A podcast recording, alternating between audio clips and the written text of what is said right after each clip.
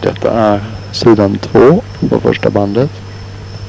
Som sagt, när man börjar ägna sig åt observera sitt inre mer systematiskt och intensivt så upptäcker man så småningom att det finns egentligen inga personliga egenskaper utan det som vi kallar medvetande det är en slags en oerhört lång räcka av ögonblick. Mentala ögonblick om ni så vill. Som inte hänger ihop sådär nödvändigtvis eller som inte har en grundläggande ägare bakom sig. Utan de är, de är inte oavhängiga heller utan det finns en orsak och verkanssamband där. Men det, det är väldigt lätt med intentionen att gå in och påverka medvetandet. Och eh, när man börjar se det och samtidigt blir mer och mer känslig och upptäcker hur dåligt man mår av att hur, hur världen blir trång när man är självisk. Alla andra blir konkurrenter och fiender och hot. Snarare än eh, systrar, bröder, vänner, kollegor. Och eh, när vi upptäcker hur, hur ont det gör egentligen när folk eh, fäller hårda ord till oss eller kritiserar oss på vad vi tycker är ett orättvist sätt eller talar illa om oss bakom ryggen på oss eller det visar sig att de har ljugit för oss.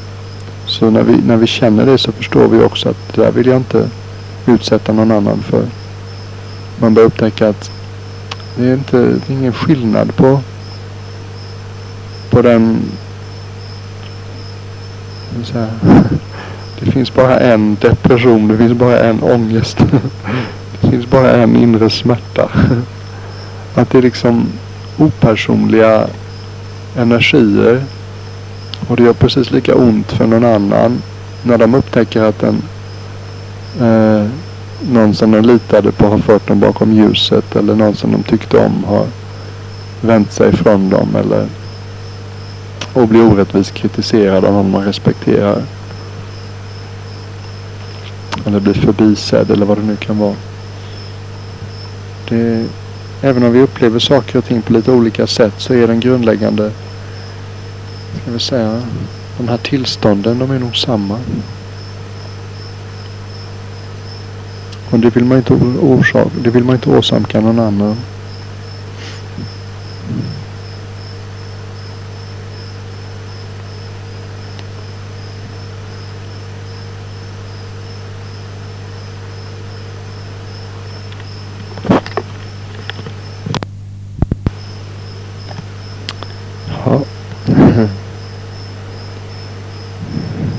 Återgå till, till lite mera jord.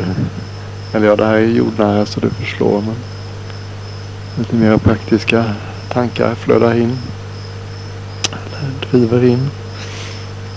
Eh, jag har väntat lite grann med att göra den här kassetten. Jag hade hoppats på, jag har hoppats på något vykort eller någonting om hur det, hur det går med tillökningen.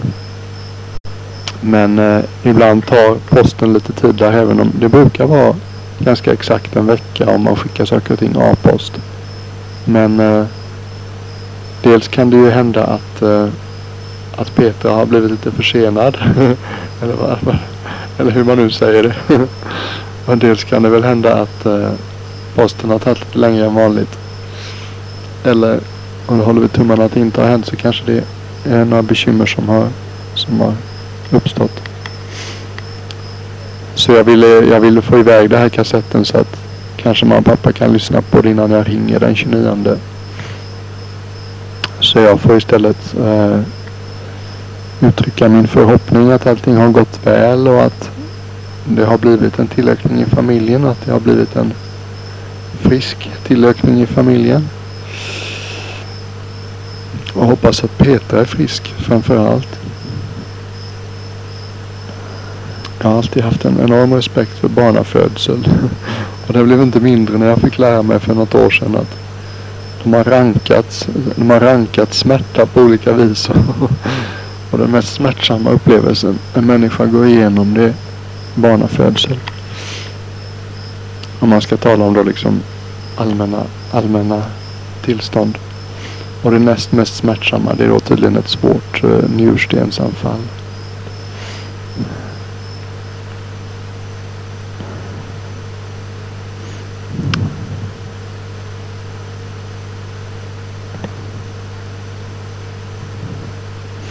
Är roligt att höra hur det, hur det har gått så småningom. Om det blir en pojke eller flicka eller vad det nu kan bli. Önska Petra grattis på födelsedagen. För mig är det i förskott. För det är väl åtta dagar kvar. Men för dig blir det väl i efterskott innan du hinner höra på det här bandet. Eller om du får höra det från Nils eller hur det nu går till. Önskar Hans grattis på födelsedagen i efterskott. Det är 25-årsdag till och med. Extra grattis.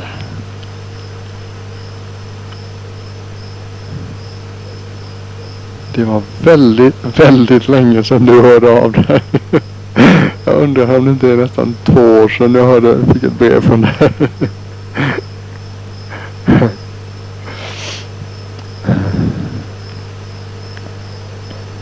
Du har ju blivit chef och allting nu. Nils berättade att du hade börjat prenumerera på en tidning som heter Chef. Han skrev ett väldigt trevligt brev Nils.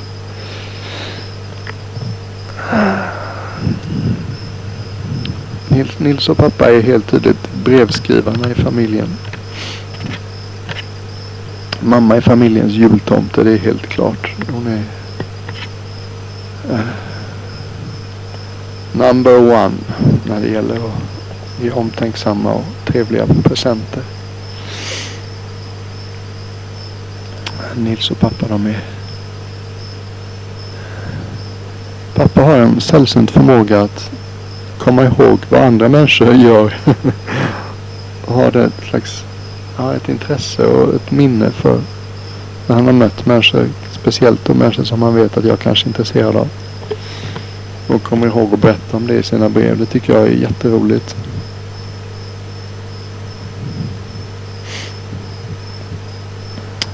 Nils har också en förmåga att beskriva det framförallt och hur andra i familjen verkar ha det och sådär. Det är väldigt trevligt. Också, du är aldrig ytlig utan du beskriver alltid sånt som är viktigt för dig i ditt eget liv och det uppskattar jag mycket också. Skriver om vilka filosofer som, vilka husgurus du har för tillfället din husguru förresten. Vi har nog hans, en, åtminstone en eller två av hans böcker i Nanna Chats bibliotek. Det är nog en eller ett par munkar som tycker att han har något att komma med. Vi har liksom en sån här self-help, self-improvement hylla på Nanna Chat. Jag har för mig att jag kände igen namnet. Den fanns inte där när jag var där men eh, jag hörde någon munk tala om den på ett kassettband.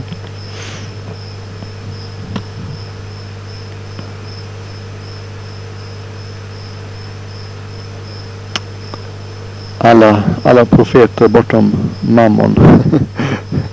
Måste jag säga att jag stöder fullt. Allting som går bortom det rena. En så här kortsiktig och kortsiktig och självupptagen lystnad.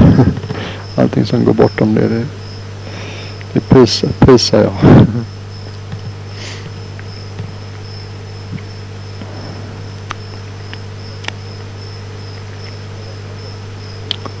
Och där fanns också Nils brev så fanns det också tidningsklipp på, vad hette det nu? IT-konsult Jan Lindeblad. Jag har inte riktigt bestämt mig för än om IT står för eh, informationsteknologi eller om det står för inför 2000.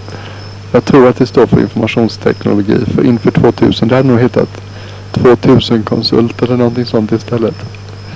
Det ser väldigt proffsigt ut.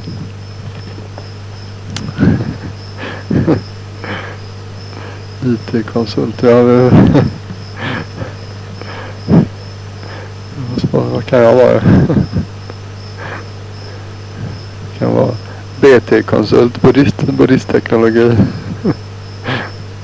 Det var en, jag träffade en engelsk munk i Bangkok som hade sån svår hösnuva så att han hade bestämt sig för att flytta till Island var en engelsk supporter med sinne för humor hade på besök i Bangkok hade tryckt upp visitkort för honom där det stod uh, Icelandic Buddhist Archbishop in Exile. Jag kan vara svensk buddhistisk ärkebiskop i exil. Mamma och pappa berättade att uh, de hade hjälpt Janne på något vis med att fräscha upp sin lägenhet, vilket du tydligen hade gillat.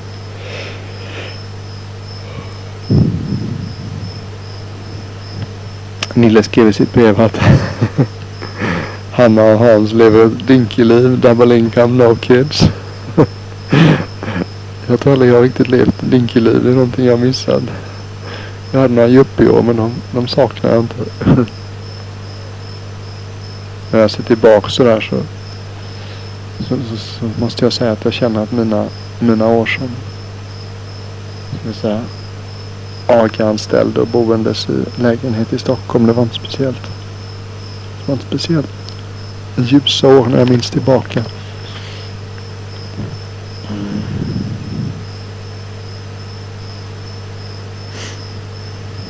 Andefattiga och vilsna är väl ord som kommer till, till minnes.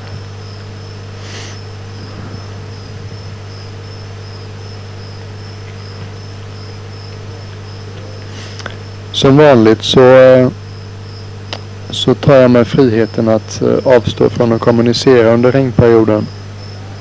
Inte för att göra någon större skillnad. det var inte nödvändigt egentligen att, att berätta för, för, för, för, åtminstone för Hans och Janne att de inte får kommunicera med mig från januari till maj. För de verkar inte ha, ha det verkar inte ha gjort något svårt, utgjort något svårt avbräck i deras spontana uttrycks, uttrycksfrekvens. Jag hörde rykten från mamma om att Janne hade planer på att tala in ett band men jag har inte sett några resultat av det än. Men om bandet inte dyker upp senast den 7 eh, juli så väntar jag med att lyssna på det till början på oktober. Om det dyker upp. Mm.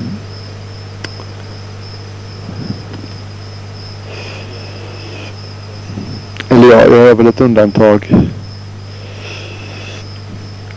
Om det finns någon som vill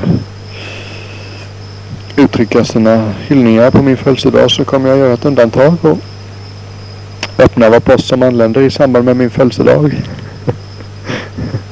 Eventuell uppvaktning i samband med min födelsedag undanbedes inte.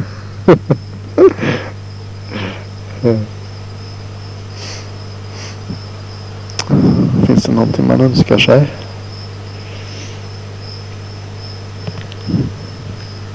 En väckarklocka vore vore användbart. Det är en av de sakerna där kvalitet är eh, faktiskt väl värt, väl värt priset. Jag tycker att väckarklockor går mig genom händerna i en ganska hög, högt tempo. Den senaste som jag fick av mamma och pappa den går fortfarande men eh, den är inte helt pålitlig den ligger upp och ner på så kan det hända att den stannar till exempel, vilket är väldigt opraktiskt när man reser.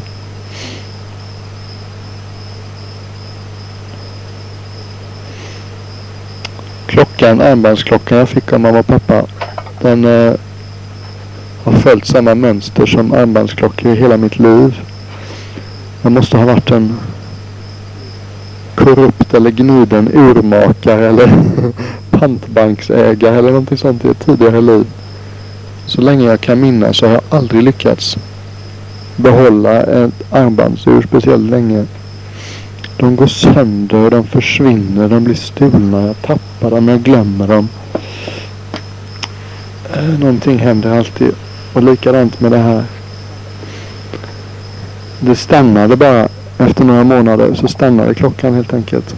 Och så vitt jag kan se, det är lite svårt att se, men så vitt jag kan se så finns det ingen batteri egentligen.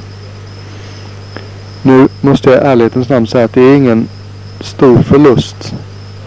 Eh, därför att det visade sig inledningsvis så tänkte jag att den kunde vara användbar för att det fanns ett ljus på den så man kunde se vad klockan var på natten. Men den är så illa konstruerad så att ljuset är inte tillräckligt för att man ska kunna se vad klockan är. Hur fånigt det än låter. Så att jag inte haft någon användning för den egentligen. Jag använder helt enkelt inte armbandsur. Så att det kan vara bra för er att veta att det, det är ingenting som ni behöver eh, ge. Jag tänkte jag skulle börja med den här klockan men i och med att, den inte, att ljuset på den inte var tillräckligt för att se vad klockan var på natten så tappade den sin funktion mycket. Om man ska säga någonting om vad en bra väckarklocka har för egenskaper så tål den lite stryk och lite fuktighet och har en signal som inte stannar efter en minut utan håller på ett tag innan den stannar. Och så finns det någon möjlighet att se vad klockan är på natten. Det är alltså ett ljus av något slag. Och så är den inte för stor.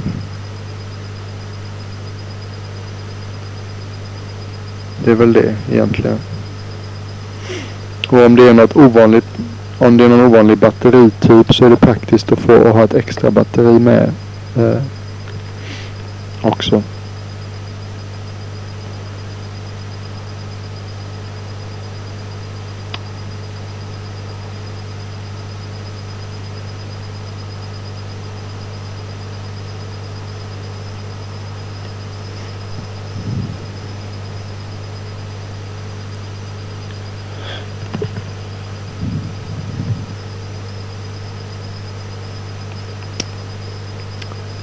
Vad annars kan man tänkas tala om? Jag kommer att ge mig av mig härifrån ganska snart efter regnperiodens slut. Så ja, det blir väl så att mamma och pappa och jag bestämmer något datum när vi talas vid. Eh, här om en två veckor. Så, som jag ringer och hör av mig efter regnperioden. Och det känns, det känns lite konstigt nästan. Normalt sett så är regnperioden så att säga Uh, det är den tiden man flyttar till ett ställe och är där. Men nu har jag varit här så länge så att på något sätt uh, känns det som om tiden här går mot sitt slut. Jag har varit här i över sju månader redan. Och uh, ska vara här i drygt tre månader till. Men sen är det mycket som jag har planerat som kommer att hända efter regnperioden. Det är lätt hänt att sinnet springer iväg framåt till det istället för att eh, hålla sig i nuet. Och det är någonting som jag har väl intentionen att, att vara uppmärksam på och undvika att det händer för mycket. Det var väldigt tydligt med den här abboten som jag blev så imponerad av när han talade om sin träning. Så är det liksom det enda stället där reell förändring och insikt kan, kan ske. Det är här precis i nuet. På, på vågtoppen. Vi kan inte göra någonting åt framtiden eller det förgångna här och nu utan det ska ägna oss till nuet. Alltså det där får inte missförstås. Det är inte så att man inte kan planera eller ha en agenda eller köpa en, en färdbiljett som man ska använda om ett par månader. Det är inte alls så det är meningen utan uh, och ha, och ha eh, uppmärksamheten riktad på här och nu. Och eh, säga. När man hanterar framtiden till exempel så förstå att framtiden är väldigt osäker och att saker och ting tenderar att ändra sig ofta snabbt och i riktningar som man inte riktigt hade tänkt sig. Och därför så blir hans eh, attityd till framtiden mer att så som det verkar så kommer jag göra så och så och som det ser ut nu så kommer jag göra så och så. Men ingenting är säkert. Men nej, sa alltid Lumpur Det betyder kanske inte. Det är inte säkert. Nej, Att Adonjaya Saro skulle undervisa barn. Han har alltid tyckt det var svårt att undervisa barn och ändå dök det upp ett gäng scouter på något sätt mellan fem och tio år gamla eller något sånt. Nej, det var inte scouter utan det var nog bara små barn. Och då berättade han en historia där han försökte beskriva skillnaden mellan, en, med någon, skillnaden mellan någon som mediterar och någon som inte mediterar. Det är en gammal kinesisk historia. Jag vet inte om jag kommer ihåg den. Uh, ett ögonblick. Det var en, eh, en kines, eller det var en man. En man som hade en häst som han var mycket stolt över och tyckte mycket om. Han hade ett stort vackert stall för hästen. Och en natt så slår blixten ner och hästen springer till skogs. Och, eh, och hans vänner de säger Åh en sån otur. Stackars dig. Åh en sån otur. Mannen han behåller sitt jämnmod och säger Det är inte säkert. Kanske inte. Några dagar senare så dyker hästen upp igen i skogsbrunnet och har med sig två andra hästar som den har blivit vän med i vildmarkerna.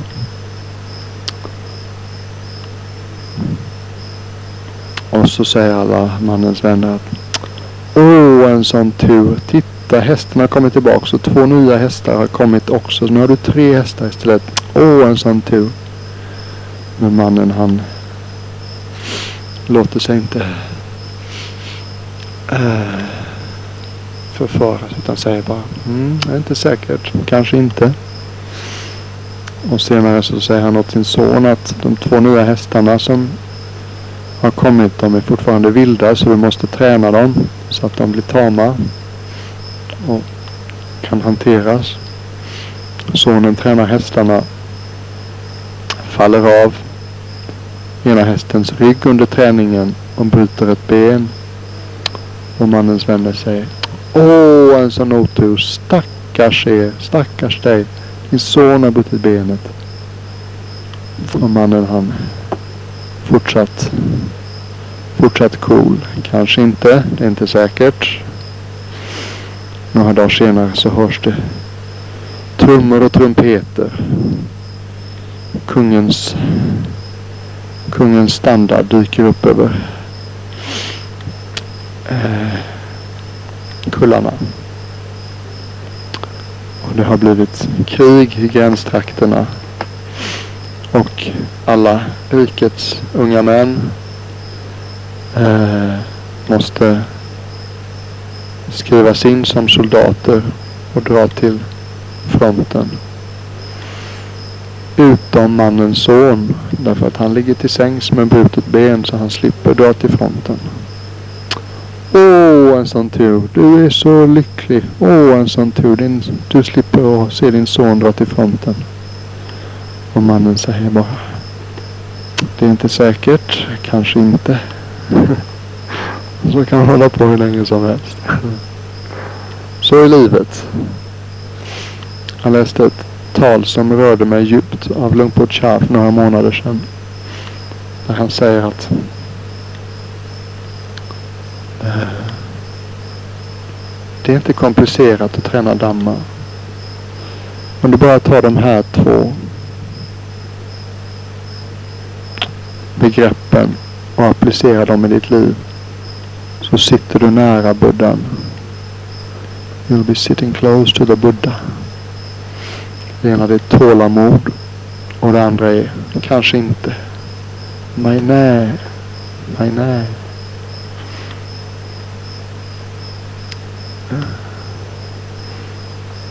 Jag håller tal. Eller jag har vid två tillfällen så har de samlat den inre supportergruppen och haft en liten tambon. Det betyder att göra gott. Haft en liten tambon i John Sarts hus. Huset som mamma och pappa varit och besökt. Det är inte många. Det är kanske knappt 20 personer som kommer eller något sånt. Och så delar jag ut, eller så tar de då de fem levnadsreglerna och ger mig en massa god mat.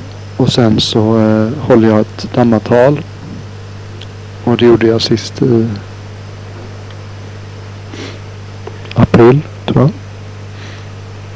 Och då höll jag just, eh, talade jag just om de här två, tålamod och kanske inte.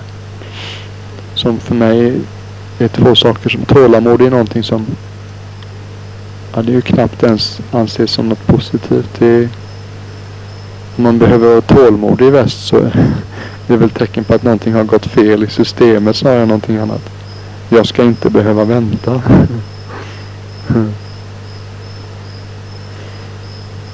Ja, det gäller ju Bangkok lika mycket som någon ställe i väst.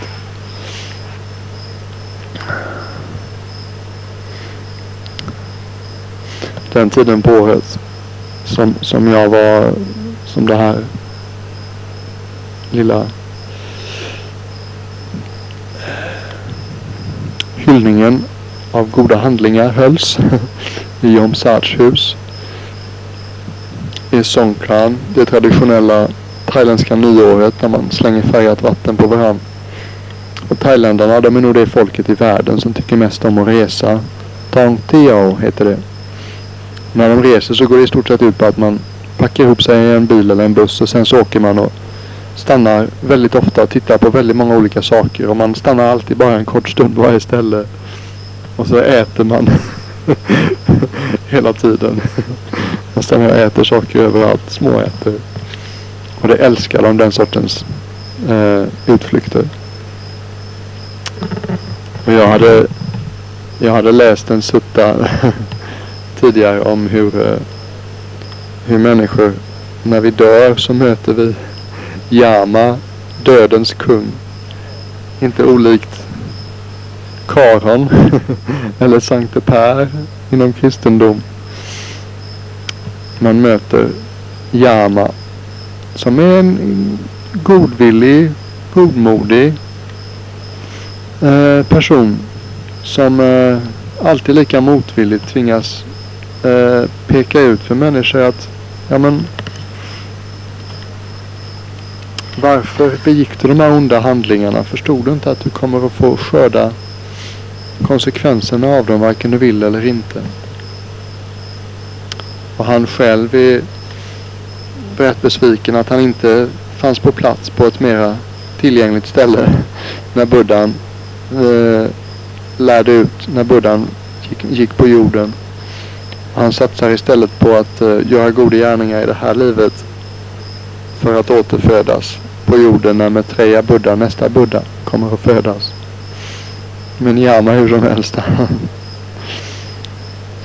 Eh, så jag, i mitt tal och så, så, så, sa jag att jag försökte, jag, döden är en, en reflektion som jag har haft mycket glädje och nytta av i mitt, mitt andliga sökande. Det ger saker och ting perspektiv. Och det gör det lättare att förstå vad som är viktigt och vad som är mindre väsentligt i tillvaron. Och eh, det gör det också mycket lättare att förlåta andra för man förstår att vi har en det är allt mer, känslan är allt mer att vi, vår tid på jorden är kort. Vår tid på jorden är alldeles för kort för att gå och bära på gamla sorger eller eh, inte förlåta folk omkring oss som kanske har trampat oss på tårna vid något tillfälle. Och, eh, och eftersom jag då med min, med min buddhistiska tro är helt övertygad om att döden är bara en, en slags transithall. eh, och sen ska man vidare. Så, eh, så, så, så blir det också naturligt då att man blir intresserad av att hamna på ett så bra resmål som möjligt i nästa liv. Och det är väldigt tydligt då att det gör man bäst genom att utveckla så mycket goda kvaliteter som möjligt i det här livet och släppa taget om så mycket mörka och okunniga kvaliteter som möjligt. Så när jag talade om döden på det här den lilla hyllningen då i hus så sa jag det att thailändare tycker om Dong Teo, tycker om att resa på utflykt. Och det finns en utflykt som alla måste åka på. Men det tenderar att vara en utflykt, utflyktsmål som många inte är sådär hemskt tända på. Och som många gärna förbiser i sitt dagliga liv att de faktiskt måste resa till. och vi kommer inte direkt tillbaks därifrån heller. Och det som är viktigt att känna till det är att när vi reser till det här resmålet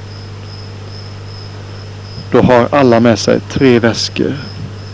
Varken mer, varken eller mindre.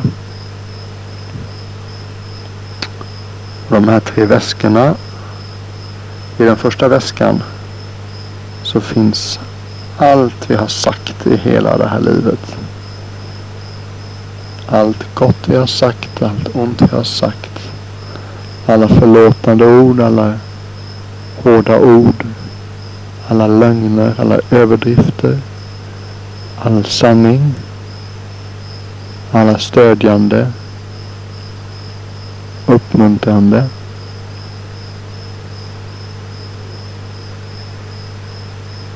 Frid. Fridfullhetsfrämjande. ord vi har sagt och deras motsats. Och i den andra väskan så finns allting vi har gjort. Alla fysiska handlingar vi har begått. Alla gånger vi hjälpte någon. Alla gånger vi gav någonting fysiskt till någon. Alla julklappar vi har gett. Alla gånger vi har hjälpt någon över gatan. Alla gånger vi har hjälpt någon städa deras lägenhet. Alla gånger vi har hjälpt någon som var sjuk. Någon som var ledsen. Alla gånger vi har huggit i när någon inte har riktigt klarat att göra det själv. Och motsatsen. Alla gånger vi har bara sett till vår egen snäva vinning och, och kortsiktiga eh, nöje. Alla gånger vi har tagit saker och ting som inte hörde till oss. Som ägaren inte hade gett oss. Alla gånger vi har varit otrogna eller missbrukat, eh, ska vi säga, missbrukat vår egen och andras kroppar för att eh, ge oss nöje eh, under omständigheter när det inte är schysst.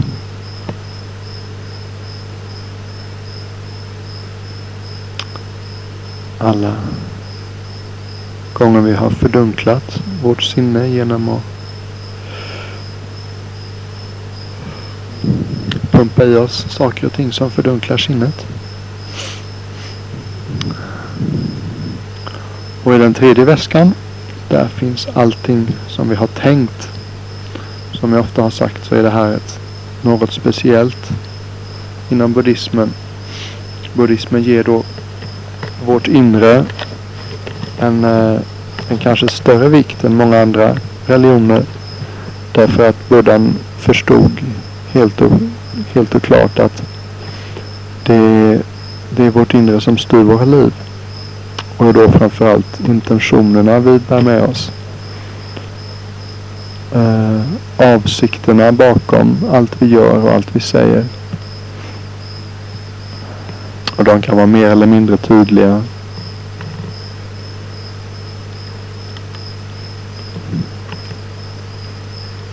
Mer eller mindre medvetna.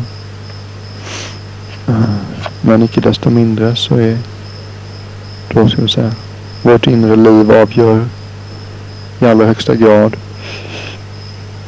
uh, hur det går för oss när vi, när vi möter Yama.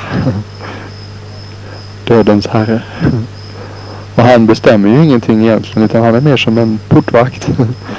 Det är ju våra, det är vi själva som har bestämt genom våra fysiska handlingar, våra verbala handlingar och våra mentala handlingar i det här livet så har vi avgjort vad som händer med oss efter döden. Han är mer som en... Uh, resebyrå. Så här ser det ut på det här resmålet. Där hamnar man om man gör så och så. Och det vanligaste är väl trots allt att människor återföds som människor så vitt jag förstår. Uh, och vissa, vissa generella samband eh, har Buddha pekat ut som att att man har fötts till människa eh, utan säga några direkta handikapp, mentala eller fysiska. Det är alltid, en av orsakerna är alltid att man har hållit de fem levnadsreglerna hyfsat väl i ett tidigare liv. Och sen som vi har märkt så vissa människor de vad de än, vad de än tar sig för så verkar det som att de har alltid vad de behöver rent fysiskt. Så att de saknar aldrig pengar. De har alltid materiellt så är det på något sätt som om det går väldigt lätt för dem allting. Och orsaken till det är för det mesta att man har varit generös i ett tidigare liv. Och medan motsatsen då håller givetvis också att eh, människor som på något sätt aldrig riktigt har allt de behöver och aldrig riktigt får till det utan alltid tycker att de saknar eh, medel för att leva på den nivån som de är bekväma med. Det har ofta sina rötter i att de i tidigare liv har varit eh, ogenerösa och själviska och inte delat med sig.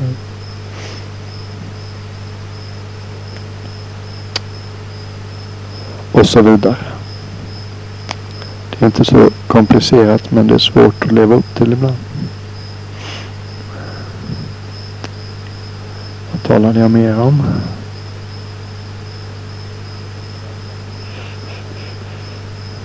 Det det är kanske lite svårt allt jag har tänkt men då kan om man tänker sig vad den här tredje väskan innehåller så är det sådana saker som alla tillfällen då svartsjuka har gripit taget i oss och alla, ska vi säga, gånger vi har,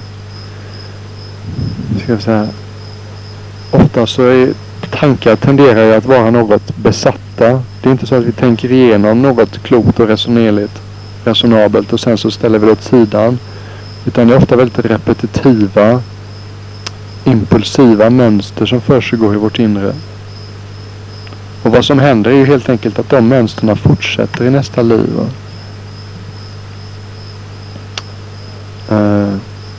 Det är helt enkelt mentala vanor som sen då genomgår någon slags trans, trans, trans, trans transmogrifiering transposition, trans, transfer. Och, eh, och tar rot då i en ny existens på ett eller annat vis.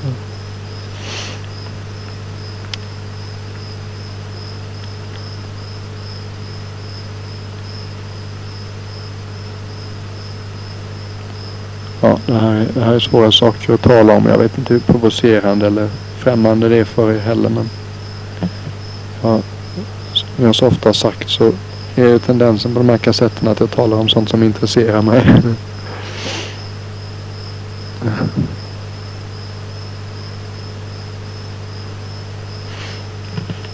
Mm.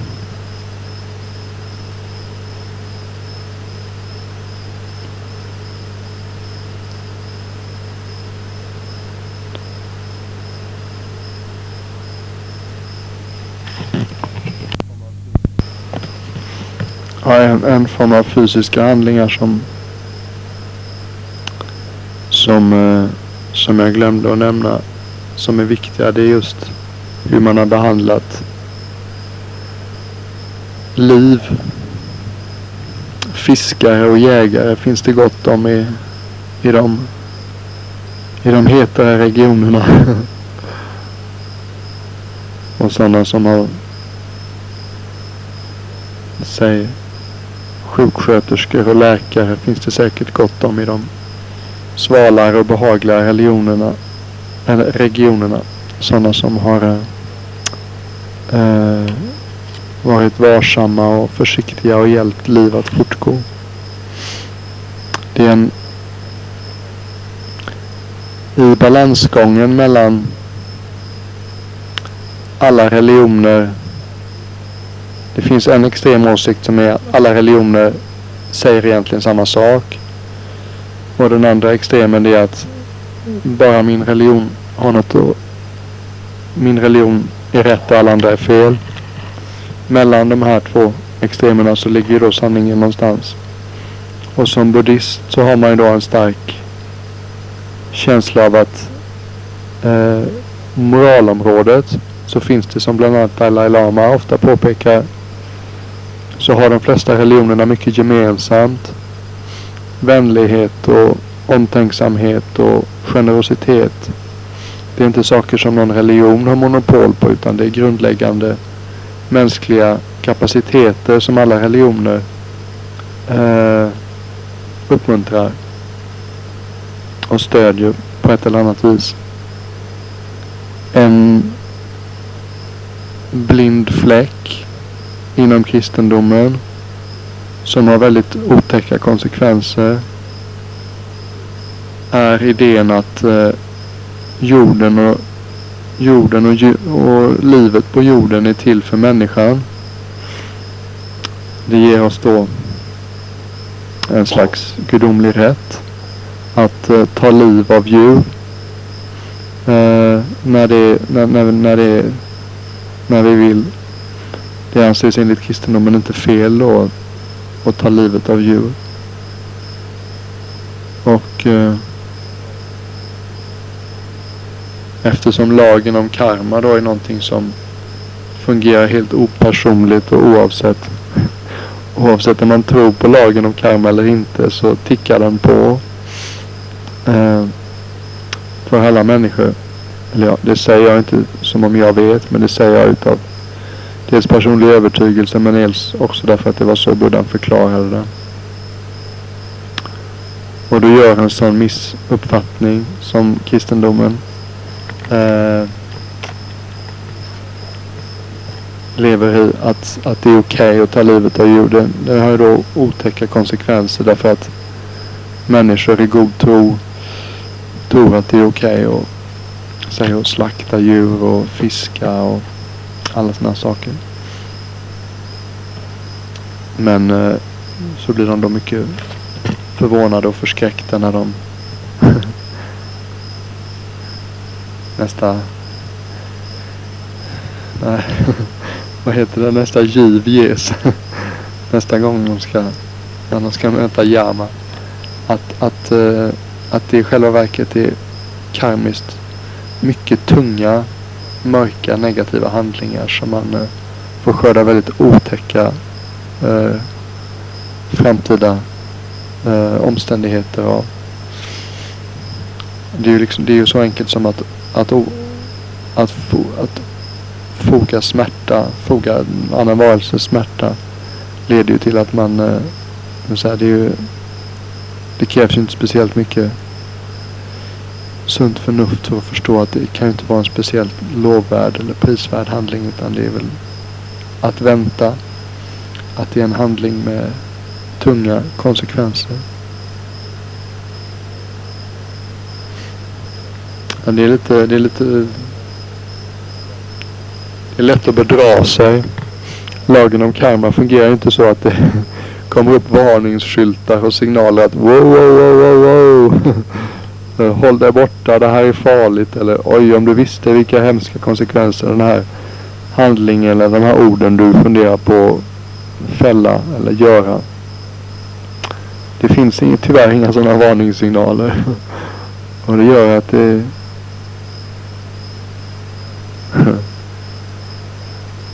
om det hade funnits jag vet inte om det hade stoppat sådana här människor som Hitler och Pol Pot och Idi Amin.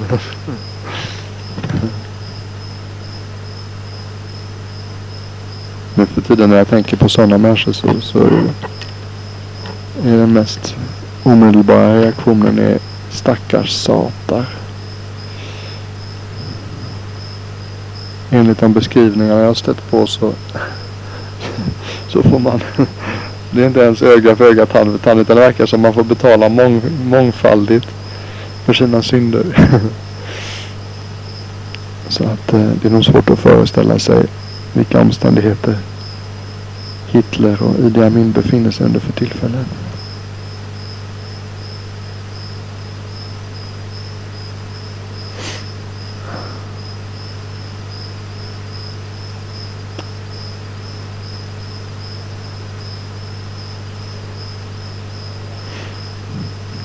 En av de sakerna som den här läraren, abboten som jag har levt en vecka med nu, när han fortfarande var en ung man, eh, helt, ointress eller helt ointresserad av buddhism och innan han hade börjat meditera eller någonting sånt, så var han på, på utflykt i Phuket med kompisar. Och eh, de, det var det sköldpaddor som eh, gick upp och la ägg den tiden på året i Phuket på stränderna.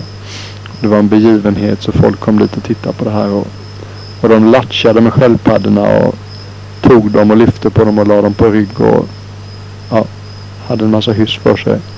Som inte var så roligt för sköldpaddorna. Men eh,